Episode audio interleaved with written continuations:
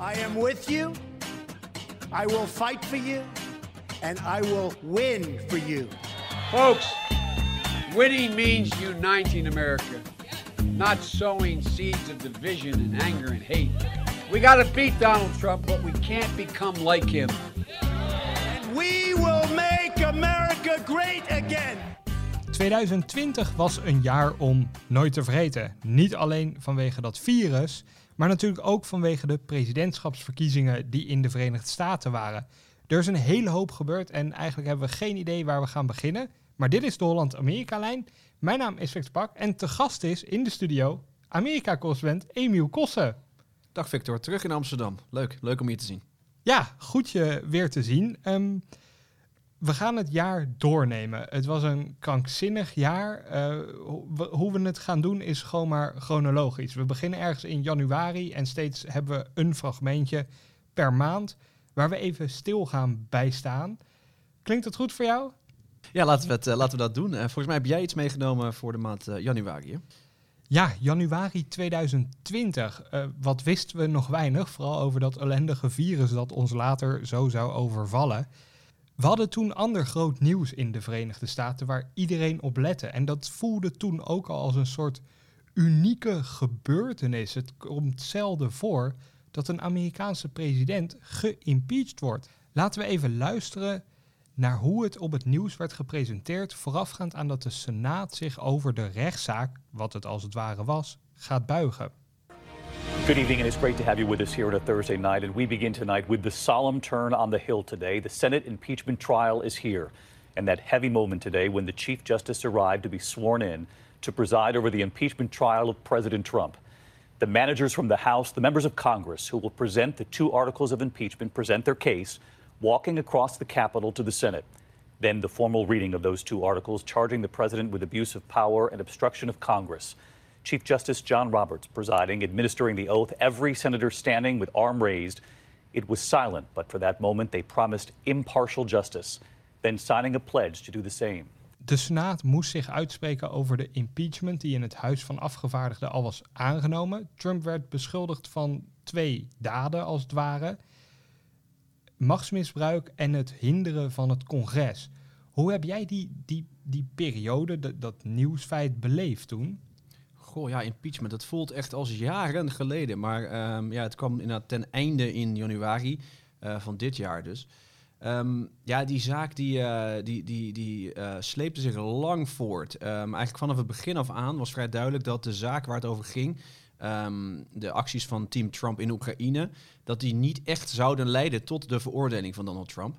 Uh, omdat in de Senaat een, uh, een republikeinse meerderheid was. En uh, ja, die senatoren die zouden hem uiteindelijk vrijspreken. Dat wisten we eigenlijk al vanaf het begin. Um, deze, deze man op het nieuws probeert er nog iets van te maken door te zeggen dat ze impartial justice zouden gaan, um, zouden gaan bolwerken.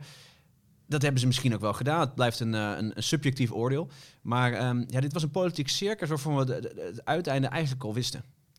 Maar die, die man van het nieuws die noemt het wel een, een heavy weight, zeg maar. Het is een, een zware last, een zwaar moment. Het is ook uniek, zeg maar. Impeachment komt niet heel vaak voor in de Amerikaanse geschiedenis. Twee keer daarvoor, hè? Ja. Andrew Johnson na de Civil War en, um, ja, en Bill Clinton. Maar dat is super zeldzaam. En nu is het eigenlijk, als je het ook in het hele presidentschap van president Trump bekijkt, een, een soort afterthought. Ja, het is een footnote. En eigenlijk zagen we het ook allemaal aankomen dat er op een bepaald moment impeachment zou komen. Vanaf moment één, uh, vanaf de dag dat Trump de verkiezingen won, uh, spraken sommige democraten er al over dat, we, dat ze hem maar moesten uh, impeachen. Um, eerst kwam er het hele Rusland-schandaal, de Rusland-kwestie, waar uiteindelijk een soort van vrijspraak kreeg van speciaal aanklager Robert Mueller. Um, en deze kwestie die, die voelde een beetje als een logische verlengde daarvan. Um, zeker omdat uh, na twee jaar uh, pakten de Democraten de macht in het Huis van Afgevaardigden. En daarmee hadden ze ook de macht om, uh, ja, om dit enorme paardenmiddel te gaan gebruiken tegen Donald Trump. Het paste in die strijd die zij met z'n allen voerden tegen een president die ze haten. Het past eigenlijk dus in de in polarisatie van Amerika, die, die met Trump tegenover de Democraten gewoon nog groter is geworden dan het al was eigenlijk. Trump was natuurlijk een, een, een, onherkenbare president als je hem vergelijkt met zijn voorgangers. Uh, ongekend op heel veel manieren. Um, ook uh, die, die Uh, die tactiek die zijn kabinet voerde, die strategie die zijn kabinet voerde in Oekraïne, die was ook ongekend. Um, om de, luisteraars nog even aan te herinneren, hij stuurde um, mensen van zijn kamp, die niet eigenlijk, die niet ambassadeur, et cetera, waren, naar Oekraïne om daar te praten met de regering. Dus een soort van schaduwdiplomatie. Om uiteindelijk um, ja, politiek belastend materiaal te krijgen tegen Joe Biden. Uh, dan is uiteindelijk de vraag, uh, is dat strafbaar? De Senaat heeft dus gezegd nee, maar het blijft wel gedrag dat niet normaal is. het is alleen een beetje normaal, omdat we in het Trump-tijdperk allemaal van dat soort dingen hebben gezien. Trump die, die zocht eigenlijk alvast dus belastende informatie over Biden, want hij voorzag dat dat zijn opponent zou worden tijdens de presidentschapsverkiezingen. Toch leek dat geen uitgemaakte zaak toen de Democraten ongeveer gelijktijdig, zo begin van dit jaar, aan hun primaries begonnen. Sterker nog, Biden stond er helemaal niet zo goed voor. En daar heb jij een fragment bij. Mijn fragment uh, speelt zich af aan het einde van de maand februari. Um, dat is aan het einde van de eerste reeks voorverkiezingen, waar Joe Biden net ongelooflijk slecht deed. Uh, we gingen eerst naar Iowa. Daar um, wonnen Pete Buttigieg, uh, een burgemeester uit South Bend, Indiana, waar vrijwel niemand nog had van, had gehoord vooraf. En Bernie Sanders wonnen daar de meeste um, gedelegeerden. In New Hampshire, Nevada uh, won Bernie Sanders opnieuw. Joe Biden deed het heel erg slecht tot we in South Carolina aankwamen. Um, een staat vol Afro-Amerikanen en die hielpen Joe Biden uh, ja, erbovenop. Just days ago, the press and the pundits declared this candidacy dead. Now, thanks to all of you, the heart of the Democratic Party, we just won and we've won big because of you. told you all that you could launch a candidacy. You, you launched Bill Clinton, Barack Obama to the presidency. Now you launched our campaign on the path to defeating Donald Trump. Ja, Joe Biden doet het nog voorkomen alsof het een hele normale uh, weg is om te belopen als presidentskandidaat. Eerst uh, drie keer zwaar verliezen en daarna in South Carolina winnen en dan word je zomaar presidentskandidaat. Dat is eigenlijk niet het geval. Um, ja, de, de, de, cruciale rol van Iowa, New Hampshire, uh, die is dit jaar afgenomen. Want dan had eigenlijk Bernie Sanders de presidentskandidaat moeten zijn. Um, ja, wat we zagen gebeuren rond de South Carolina voorverkiezingen was dat alle gematigde kandidaten eigenlijk ja, opgaven om, om Joe Biden te steunen, omdat ze een beetje bang waren dat anders Bernie Sanders met die nominatie zou, zou weglopen. Het is wel heel opvallend dat, dat Biden, hij zegt het ook letterlijk. Mijn campagne was doodverklaard door de pundits, door de media. En ook niet zo gek ook, want hij had al die keren dik verloren. En nu, nu wordt hij president. Dat is wel ongekend dan toch, toch verlopen. Ongekende comeback. Um, ik heb nog gezien speechen in Iowa. En um, nou, er waren denk ik 30 mensen. In een zaal waar er wel 200, 300 in kunnen. En die speech die ging alleen maar over uh, verliezen en rouw in zijn leven. Daar praat hij wel vaker over. Maar de speech die, die bracht echt niemand uh, ja, tot klappen. Er was geen applaus, want hij vertelde over hele verdrietige dingen. Um, nou, en die 30 mensen die in die zaal waren, uh, die stemden wellicht op hem. Maar de rest van Iowa dus niet. Hij werd vijfde in die staat. En dat is inderdaad ongekend slecht. Uh, zeker als we nu weten dat hij uiteindelijk toch die nominatie pakte en, uh, en nu zelfs de president wordt. Het is misschien ook wel, wel tekenend voor, voor Bidens hele politieke carrière. Een soort, hij is uiteindelijk onvermijdelijk. Hij komt altijd op de positie terecht waar hij wel op hoopt. Maar het kost wel een flink aantal keer proberen om er uiteindelijk terecht te komen. Het was ook uiteindelijk zijn derde poging om president te worden. Ja, en het is ten dele kunde van Biden, maar er zit ook een hele hoop geluk in. Hè? Um, eigenlijk had Mayor Pete in Iowa gewonnen, uh, maar die uitslag werd niet aangekondigd omdat ze nog steeds aan het tellen waren, een week lang. Toen zaten we inmiddels al in New Hampshire en maakte die overwinning voor Buttigieg eigenlijk niet meer uit. Uh, toen nam Sanders het over. In de tussentijd kwam er nog een Michael Bloomberg op.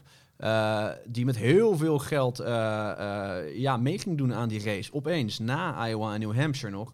Um, echt veel kans om te winnen had hij niet. Maar het idee was dat hij een beetje stemmen zou afsnoepen van Joe Biden. Um, dat is uiteindelijk niet gebeurd, omdat uh, Biden dus het geluk had dat uh, Amy Klobuchar, Pete Buttigieg, dat die opeens uh, zich achter Biden schaarden. leuk detail nog wel is dat Bloomberg alleen American Samoa won en daarmee vier gedelegeerden. En dat kost een hele hoop geld. Hè? Ik weet niet precies hoeveel, maar hij heeft er miljoenen, misschien wel 100 miljoen meer of zo voor uitgetrokken. Ja, hij zei aan het begin van zijn kandidatuur dat hij honderden miljoenen wilde gaan uitgeven. Hoeveel daar precies uh, ja, aan, aan tv-spotjes en dergelijke is uitgegeven, dat is, dat is moeilijk uh, beschouwen. Maar het was heel veel geld voor die, voor die paar mensen op een, op een eiland dat de meeste Amerikanen eigenlijk helemaal niet kennen.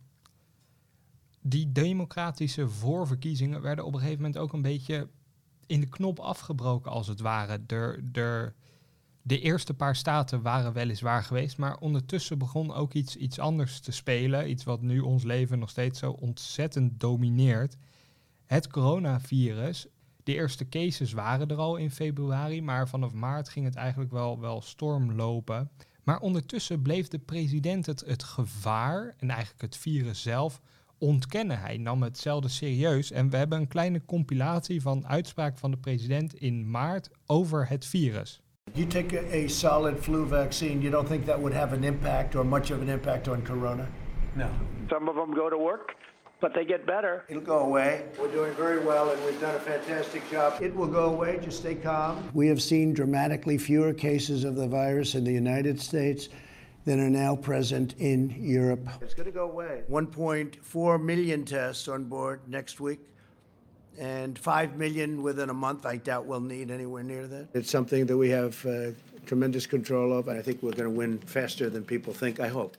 Tremendous control, it will go away. We hebben zoveel testen misschien niet eens nodig. Veel te veel testen hebben we, veel te veel, ja.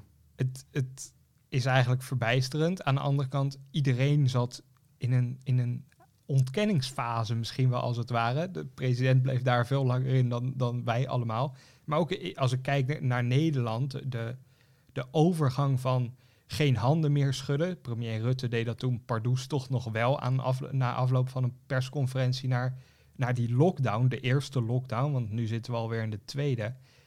Dat is eigenlijk, ja, voor iedereen verbijsterend snel gaan. Hoe heb jij dat toen beleefd in, in Washington DC?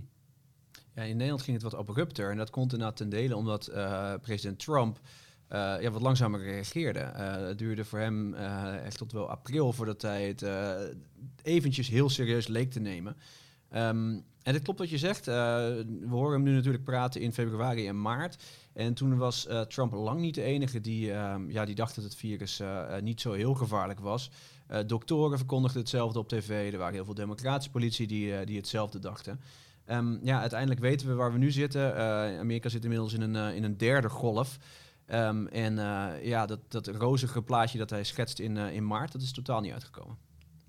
Het, het falen van de Amerikaanse corona-aanpak, want je zegt nu, dit, dit was in maart waar we net naar luisterden, maar het, het heeft veel langer geduurd en nu gaat het nog steeds bar slecht. Meer dan 300.000 Amerikanen zijn gestorven aan het virus inmiddels.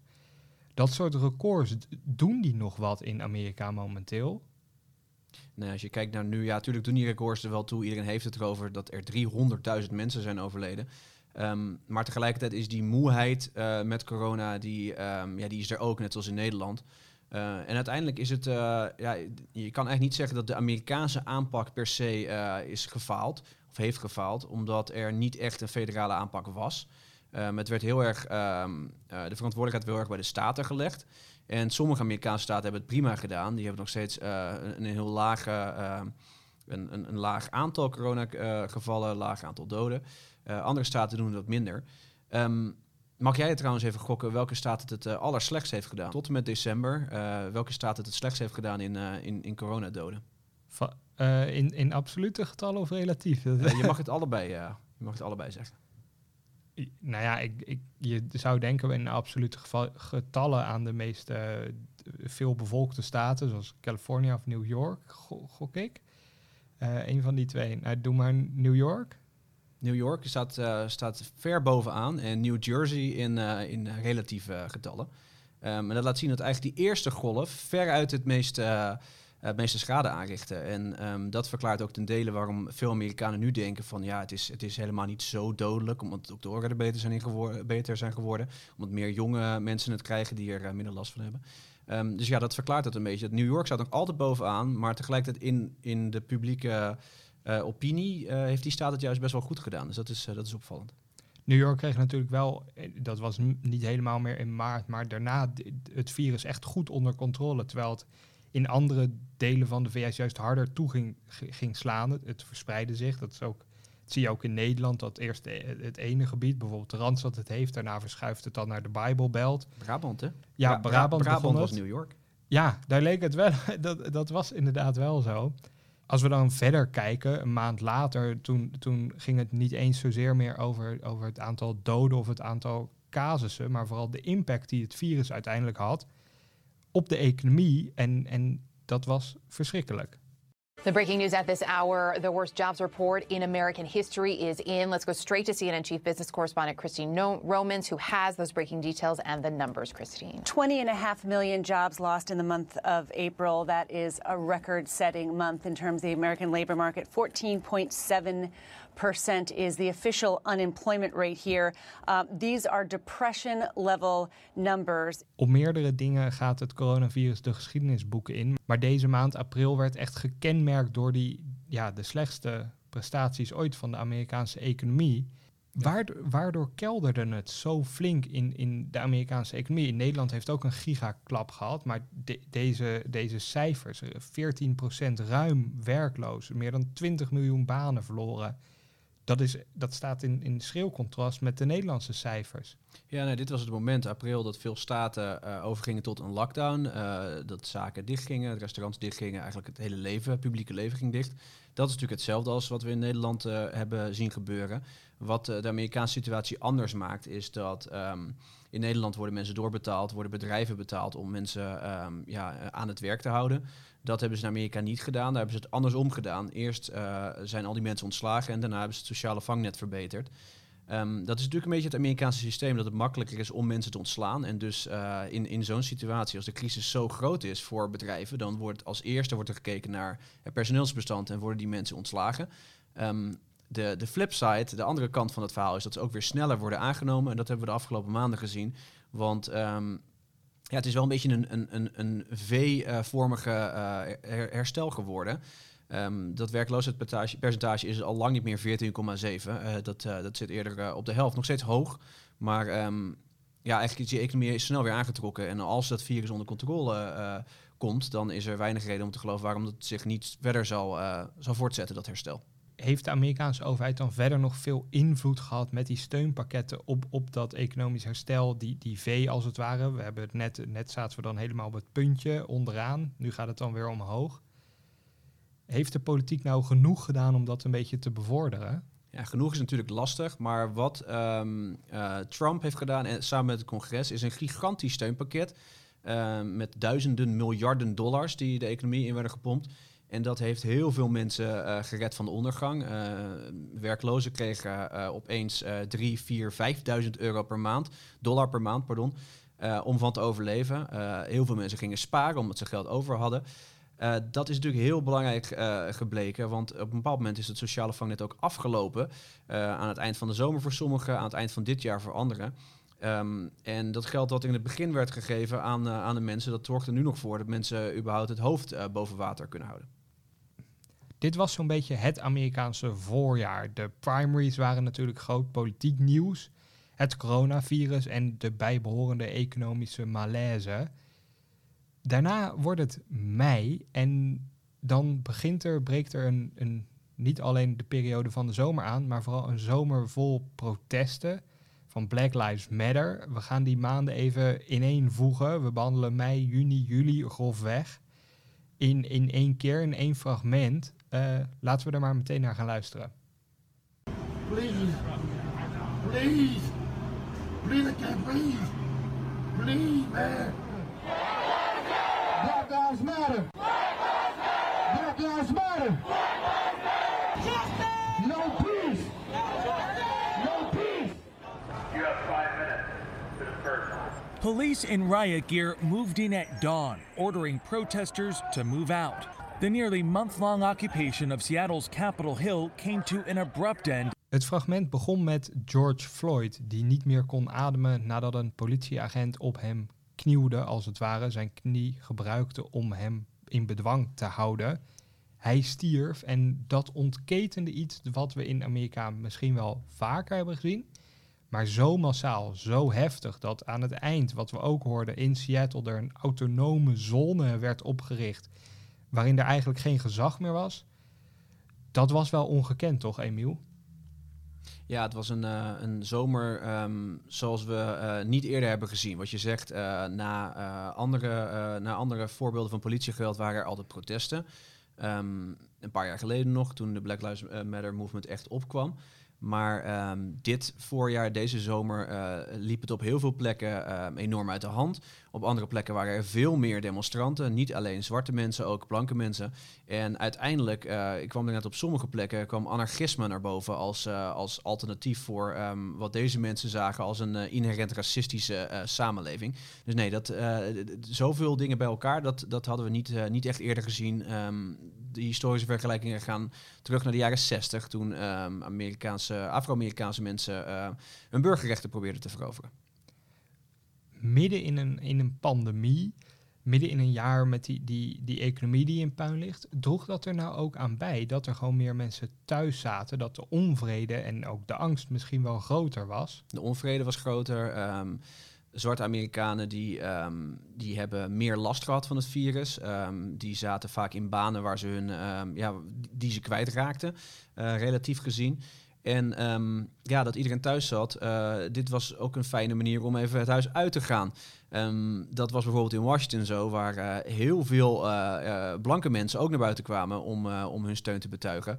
En ja, als zij de hele dag in het kantoor zaten, was dat misschien minder zo geweest. Washington heeft wel heel actief geluisterd naar de, de beweging, ondanks soms de uit de hand lopende protesten.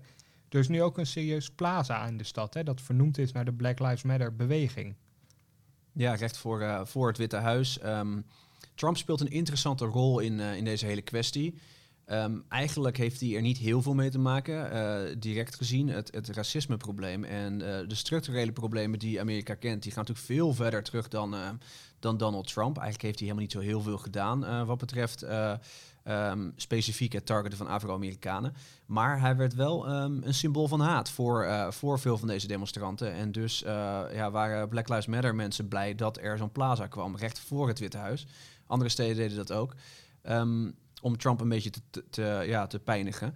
Het laat vooral zien de polarisatie die er was. In de steden leefde dit heel erg. In de linkse, uh, overwegend linkse steden. op het platteland hoorde je eigenlijk helemaal niks van, van Black Lives Matter. Dan zijn er straatbordjes veranderd. Uh, er is heel veel aandacht voor geweest. Maar als, ja, het is een terugblik, maar toch als we een beetje naar, naar nu kijken, misschien zelfs vooruit. Wat blijft er nou over van, van de massale protestzomer die er geweest is? Ja, is altijd lastig om dat uh, uh, te zien als het stof nog neerdaalt eigenlijk. Want daar zitten we nu een beetje in, in die fase. Um, in eerste instantie waren er die protesten en probeerde de politiek iets te doen aan politiehervormingen. Um, op federaal niveau, op landelijk niveau, dat mislukte. Dus op korte termijn is er niet veel veranderd. Maar de discussie is natuurlijk wel helemaal veranderd. Um, dat we het allemaal hebben over de, de situatie van Afro-Amerikanen, over de problemen die er bestaan binnen, binnen de politiekorpsen. Dat um, zorgt in eerste instantie voor hoop bij velen. Want ook republikeinen praten erover, uh, democraten praten er natuurlijk over ik weet niet zo goed of, uh, ja, of die hoop nog steeds um, terecht is. Want uh, ja, die politiewetten kwam er bijvoorbeeld niet. En um, republikeinen, veel republikeinen hebben nu de, de slogan Blue Lives Matter omarmd. Waarmee zij zeggen dat de politie eigenlijk helemaal niks fout heeft gedaan.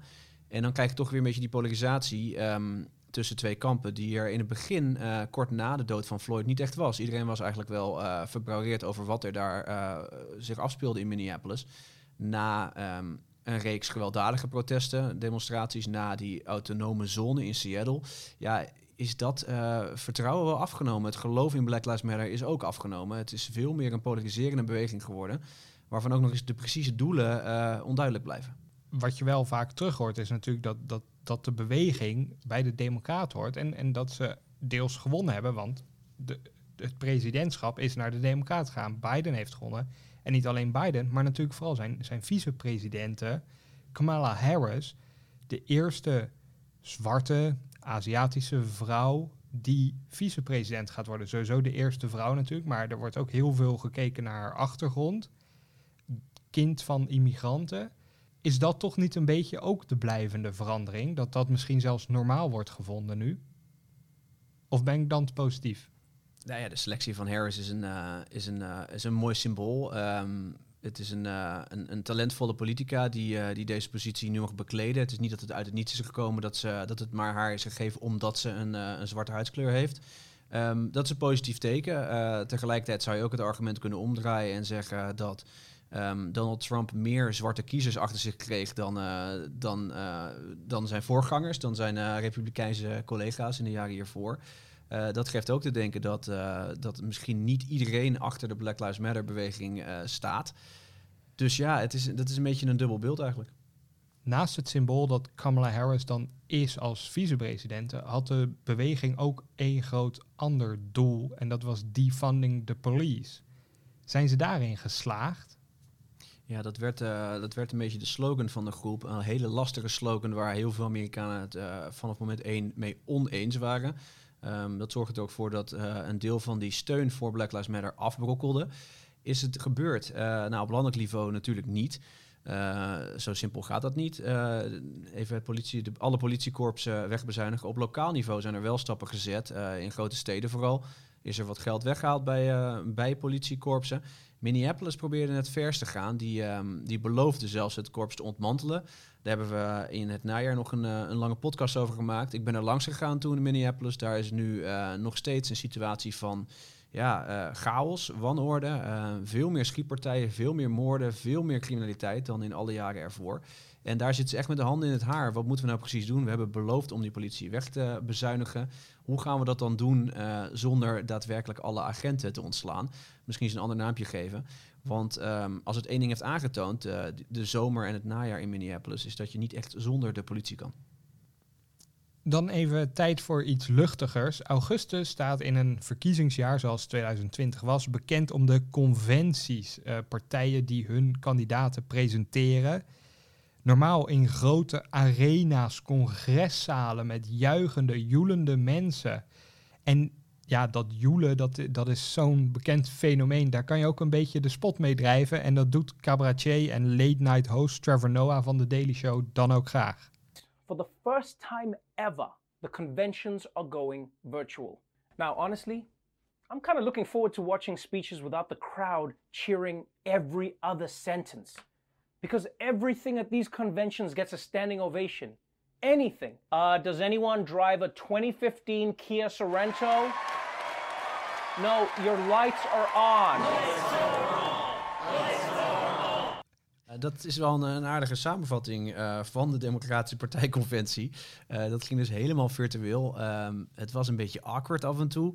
Uh, er waren filmpjes in gemonteerd van mensen die aan het juichen waren. Om toch een beetje dat joelende idee te krijgen. Maar die waren dan niet helemaal goed getimed. Het is een beetje als, alsof je nu een voetbalwedstrijd kijkt met geluid op de achtergrond waar de toeschouwers fluiten terwijl er wordt gescoord. Joe Biden sloeg zich er doorheen, gaf een aardige speech. Er waren op dat moment toch heel veel vraagtekens of die wel um, ja, uh, fit genoeg was voor, voor die positie als president. Um, Kamala Harris die, die deed het aardig. Jill Biden die sprak vanuit een, een, een, een klaslokaal, een dicht klaslokaal door corona.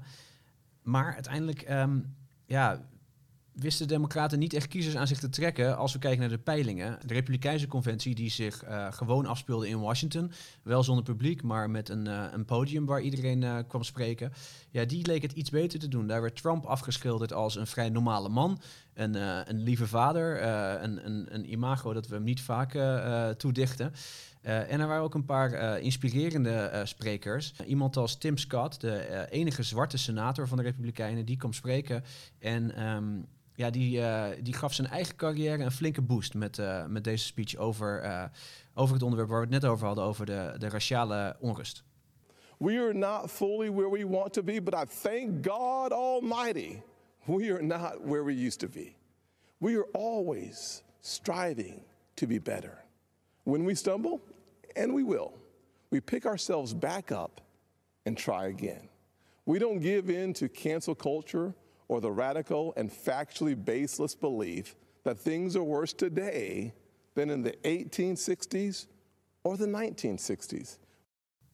Tim Scott sprak hier dus uh, uh, op de conventie van Donald Trump, maar uh, het gaat eigenlijk meer om zijn eigen verhaal, een uh, inspirerend levensverhaal. Tim Scott, een zwarte man uit South Carolina, die, um, ja, die uh, opgroeide in, in armoede en het nu heeft geschopt tot senator. Hou je me de gaten. Um, als Trump van het podium afgaat, wat binnenkort een keer gaat gebeuren, zo lijkt het, dan kunnen mensen als Tim Scott um, ja, een leiderschapspositie in de Republikeinse Partij. Voor zo'n Scott heeft die conventie misschien wel echt wat uitgemaakt. Zijn ster is gerezen dankzij het verhaal. Mij valt bij zijn verhaal vooral op dat als je de, de verwijzing naar cancel culture weghaalt, zou dit ook niet misstaan op een democratische partijconventie. En dat is misschien wel kenmerkend deels, vind ik, voor, voor de periode dat dat soort hints tegenwoordig overal wel in zitten, maar dat misschien wel zonder Trump daar de mogelijkheid toe is. Die partijconventies zijn altijd zo'n verhaal van hoop, optimisme en onze partij die, die gaat het doen. En Scott die, die, die is eigenlijk heel old school bezig, vind ik daarmee. Maar verder, ja, voor hemzelf heeft het dan geholpen. Voor de Republikeinse Partij deed het wel wat in de peilingen. Trump werd wat normaal afgeschilderd. Maar het verschil maakte die conventies uiteindelijk totaal niet. Iedereen is ze misschien ook wel weer vergeten als we er nu niet even bij stilstonden. Ja, toch ben ik niet helemaal met je eens dat wat Scott zei hier, dat uh, optimistische, dat we dat nu nog horen bij de Democraten. Misschien een x aantal jaar geleden wel.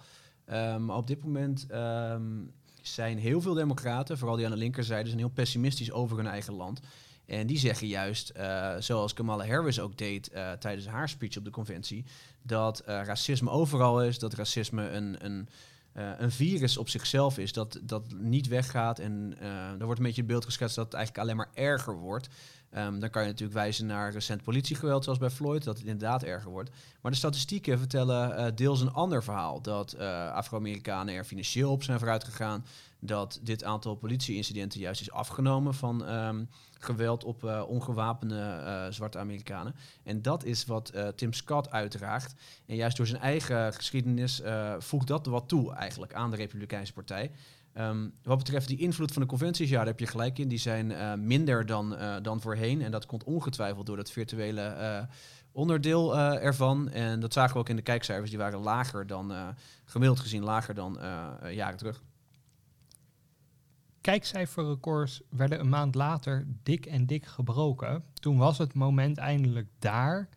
Die conventies, oké, die primaries lang vergeten. Het moment suprême in de campagne was het eerste debat en dat verliep totaal chaotisch. You should go out and vote. You're in voting now. Vote and let your senators know how you strongly you feel. Court? Let vote now. Are you pack the Make court? sure you, in fact, let people know you're senator. I'm not going to answer the question Why because you answer that because question? the question is the question Supreme is Court justice the radical question, left. Will you who shut up, on, man? Listen, who is on your list, Joe? This Who's is on your so list? gentlemen. Is, I think this we've is ended so this. He's going to pack the court. We have ended. not No, no. going to give a list. We have ended. Will you shut up, man? Een, een dieptepunt. Biden zegt het tegen Trump nadat Trump al heel de tijd maar ertussen probeert te komen. Uh, het debat straalde niet heel positief af hè, op de president, terwijl hij dat juist nodig had. Ja, eigenlijk op niemand straalde het heel positief af. Je hebt uh, Trump die als een, uh, als een klein kind de hele tijd doorheen aan het praten was. En Joe Biden die hem eigenlijk min of meer uitscheldt. Um, in Nederland waren de reacties volgens mij ook uh, een beetje verafschuwd. Van waar hebben we in hemelsnaam zitten kijken? Heel veel mensen bleven wakker uh, s'nachts om, om naar het debat te kijken.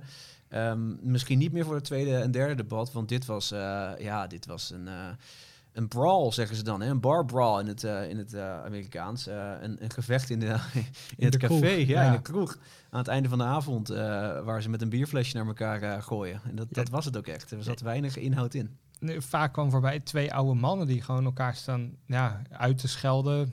Ja, gewoon. Het, het sloeg eigenlijk totaal nergens op. Niemand werd er wat wijzer van. Het was ook niet tactisch, want Trump had eigenlijk maar één taak. Um, dat was om Joe Biden zoveel mogelijk te laten praten. Uh, want op dat, moment van de, op dat punt van de, de campagne zagen we Biden amper. Um, het, het, vaste verhaal was dat hij vast in zijn kelder zat, uh, wegens ja. corona. Hij kwam voor de conventie uh, even naar buiten, even uit de kelder. Uh, en voor het debat. En um, Trump deed het omgekeerde. Trump was de hele tijd aan het praten. En liet Joe Biden helemaal niet uitpraten. En die kon dus eigenlijk bijna geen fout maken. omdat ze eigenlijk alleen maar um, ja, in halve zinnen met elkaar aan het kibbelen waren. Ja, het was verschrikkelijk om, om aan te kijken. Trump die wilde heel de tijd maar antwoord hebben op één vraag. Ga je het Supreme Court volstoppen met nieuwe rechters? Want iets voor dat debat was de oktober surprise, waarvan we toen dachten dat het een september surprise was, namelijk het overlijden van Ruth Bader Ginsburg. Een heel groot, belangrijk topic. Uh, de Republikeinen kregen de kans om hun, hun macht in het Supreme Court uit te breiden. We hebben nog steeds geen antwoord uiteindelijk op de vraag van, uh, van Biden gekregen of hij het nieuwe, of hij het Hoge Rechtshof gaat volstoppen met rechters. Toen in dat moment in de race, inderdaad, het, het was vooral Trump die, die Biden maar eens moest laten praten in de hoop dat hij zou struikelen over zijn eigen woorden, zoals hij wel vaker doet. Hij greep het verkeerd aan, maar uiteindelijk ja, had dit nou impact op de race? Veranderde dit iets? Ook niet zoveel, hè? Nee, um, als je kijkt naar de peilingen in ieder geval niet. En dat is natuurlijk weer een heel ander vraagstuk of die peilingen uh, in de waarheid zijn uh, geketend. Maar um, nee, het, ook, ook dit debat veranderde uiteindelijk weinig. Um, mensen die fan van Trump waren, vonden hem goed ook tijdens het debat. En mensen die fan van Biden waren, zeiden hetzelfde over hun kandidaat. en dat is misschien ook wel logisch als er zo weinig inhoudelijk werd, werd gepraat. Waar we even dachten dat, dat de oktober surprise al in september was geweest, zaten we er toch allemaal mis. Oktober ging uiteindelijk weer terug bij af over het coronavirus. Maar dat had ook wel een heel logische reden, toch? Ja, opeens had de president het. Hè? Het was het eigenlijk het moment, uh, zoals het Koningslied hier ooit zei, waarvan je wist dat het zou komen. Um, Trump die uh, wilde geen masker dragen, geen uh, mondkapjes dragen. Um, uh, reisde het land door, uh, gaf overal grote uh, rallies, grote campagne-rallies. En toen um, in oktober, toen, um, ja, toen had hij het virus opeens. we hebben een fragment, ik heb een fragment meegenomen um, op de avond dat hij een test heeft gedaan. in eerste instantie was er adviseur Hope Hicks, die, zijn, zijn adviseur Hope Hicks, die, die was positief getest. En dus moesten Donald en Melania ook testen. En um, waarschijnlijk wist hij hier al dat hij, uh, dat hij ziek was. Um, toch komt hij op Fox News om te praten met een van zijn uh, bevriende talkshow-hosts. I just went out with a test. I'll see what, you know, because we spent a lot of time, and the First Lady just went out with a test also.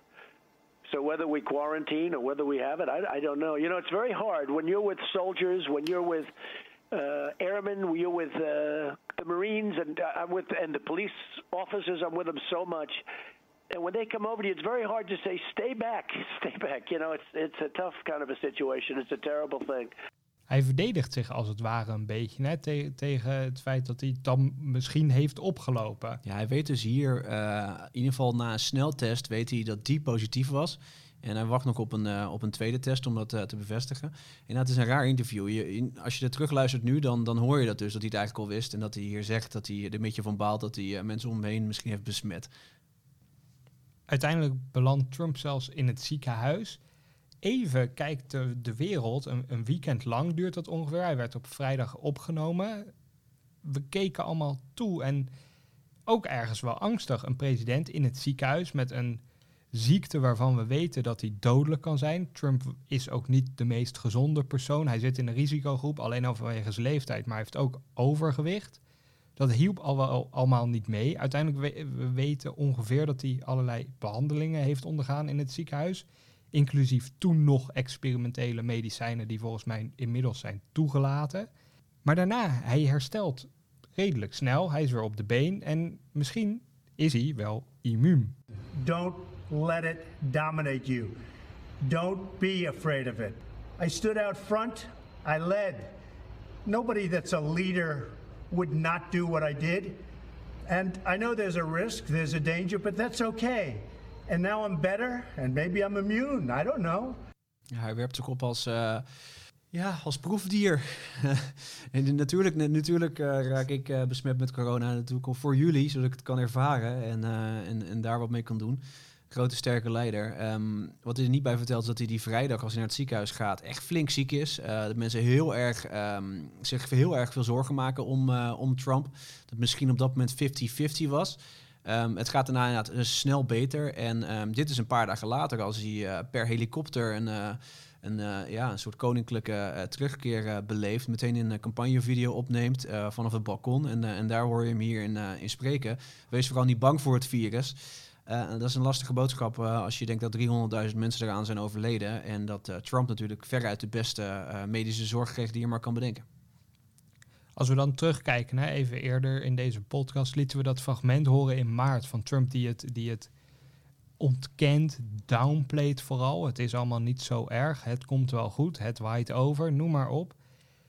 Heeft Trump zich nou ooit kunnen neerleggen bij het feit dat dat virus er is en zijn hele ja, presidentschap, in ieder geval dat, dat laatste jaar natuurlijk gewoon totaal verruineerd heeft? Nee, nee, eigenlijk is de, de boodschap hetzelfde gebleven als in maart. Het gaat wel over. Laten we maar gewoon proberen te leven. Ehm, zoals, uh, zoals het nog kan. Uh, er mag wel iets dicht, maar uh, laten we vooral niet het hele publieke leven platleggen. Dat heeft hij vanaf het begin gezegd en dat is tot nu toe eigenlijk nog steeds zo. En daar haalt hij dan zijn eigen coronabesmetting bij, omdat hij het natuurlijk heeft doorstaan.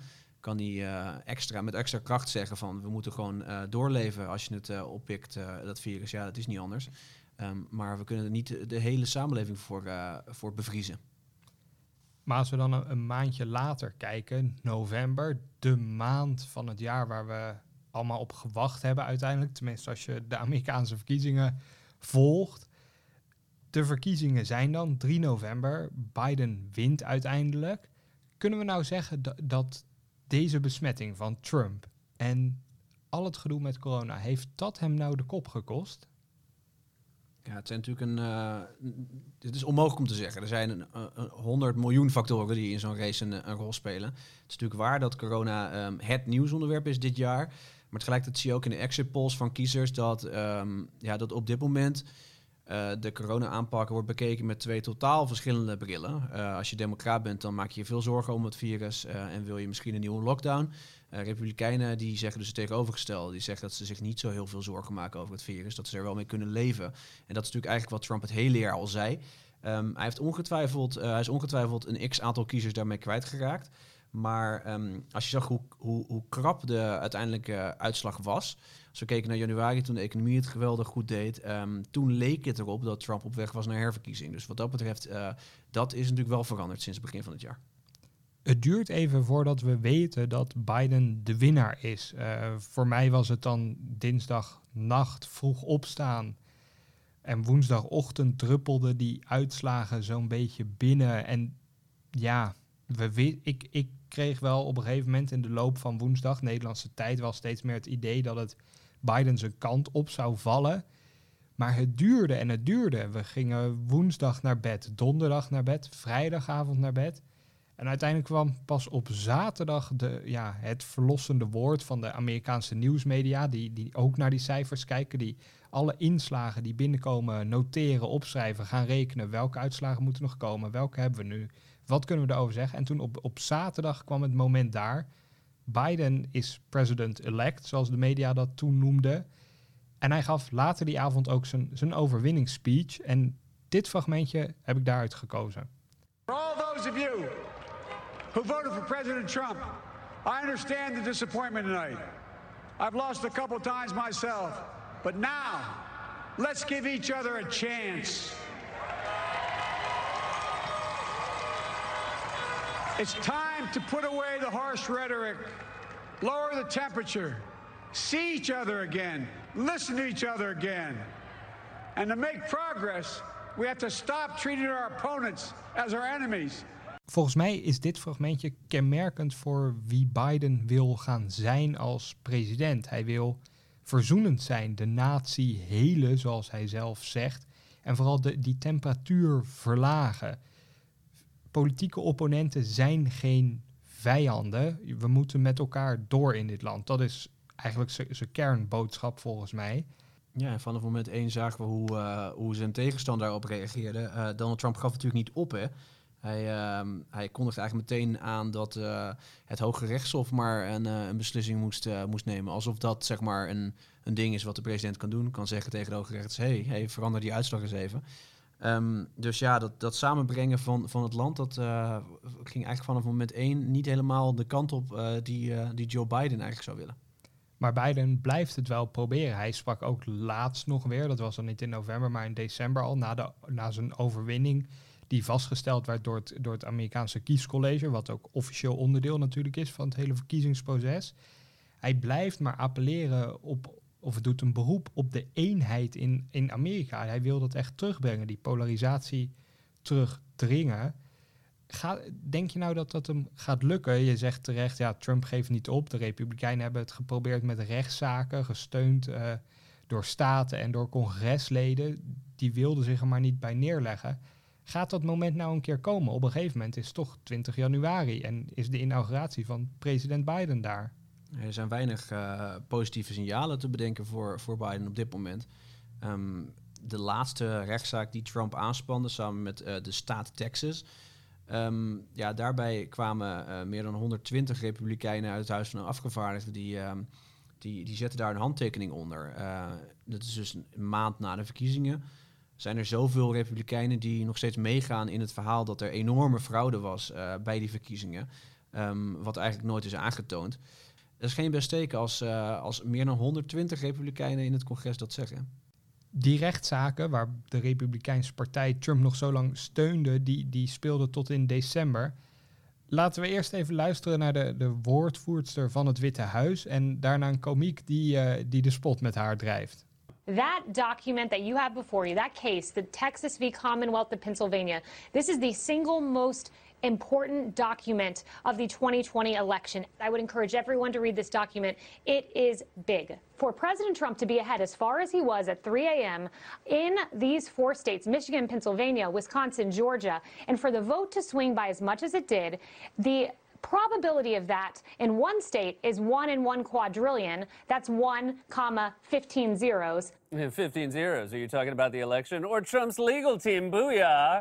They've argued in court that they're not alleging fraud. They've literally said this is not a fraud case because they don't have any proof of fraud. So they've been reduced to arguing in court filings that it's somehow statistically impossible that Joe Biden could have won the states he won. Ja, en Seth Meyers is dus een, een cabaretier, maar die, die uh, vat je eigenlijk heel serieus samen wat de Republikeinen precies probeerden te doen. Fraude uh, werd wel beweerd, maar werd in de rechtszaken nooit echt aangetoond. Um, dan zeiden de advocaten van Trump opeens: Oh nee, er was toch geen fraude. Um, wat ze uiteindelijk zeiden was dat die staten die, um, die Biden won, die hadden allemaal het, het stemmen per post makkelijker gemaakt. En dat zou dan eigenlijk een, een, illegale beleidswijziging zijn van die staten. En dus moesten, uh, moesten staten als Pennsylvania hun, uh, hun kiesmannen maar intrekken. Nou ja, uh, vanaf moment 1 had, had zo'n rechtszaak eigenlijk 0% kans. uiteindelijk zei het Hoge Rechtshof ook. Het Hoge Rechtshof dat dus vol zit met Trumps rechters. tussen aanhalingstekens, want zij zijn onafhankelijk, zoals ze nu ook lieten zien. Want het Hoge Rechtshof, verwierp al die, die claims. En um, dus kwamen de kiesmannen gewoon samen en dus staat die uitslag gewoon nog. Seth Meyer drijft natuurlijk dan de spot met de wiskunde achter het idee en zo. Maar voor heel veel Amerikanen is wat de woordvoerster zei natuurlijk wel gewoon bittere ernst. Die hadden wel gewoon geloof in, in de president zijn aantijgingen dat er zulke massale fraude is gepleegd. Hoe moet dat nou, nou verder? Je kan je natuurlijk herinneren hoe die uitslagen binnendruppelden. In heel veel staten was het zo dat Trump voorstond een lange tijd. Uh, omdat ze um, vooraf hadden bepaald, de, de parlementen in die staten, Um, dat eerst de, normale stemmen moesten worden geteld en daarna de poststemmen, waardoor een heel vertekend beeld uh, ontstond. Um, dat was dus eigenlijk vanaf het begin aan al een, een, tactiek van de Republikeinen, mochten ze verliezen, dat ze dan dit nog konden gaan zeggen. Um, het vervelende daaraan is dat inderdaad heel veel Republikeinen dat dus geloven, veel Republikeinse kiezers. Uh, Zo'n twee derde zegt nu uh, onzeker te zijn dat de verkiezingen wel eerlijk zijn verlopen. Dat zijn dus twee derde, is twee derde van Trumps kiezers. Ja, dat is een probleem.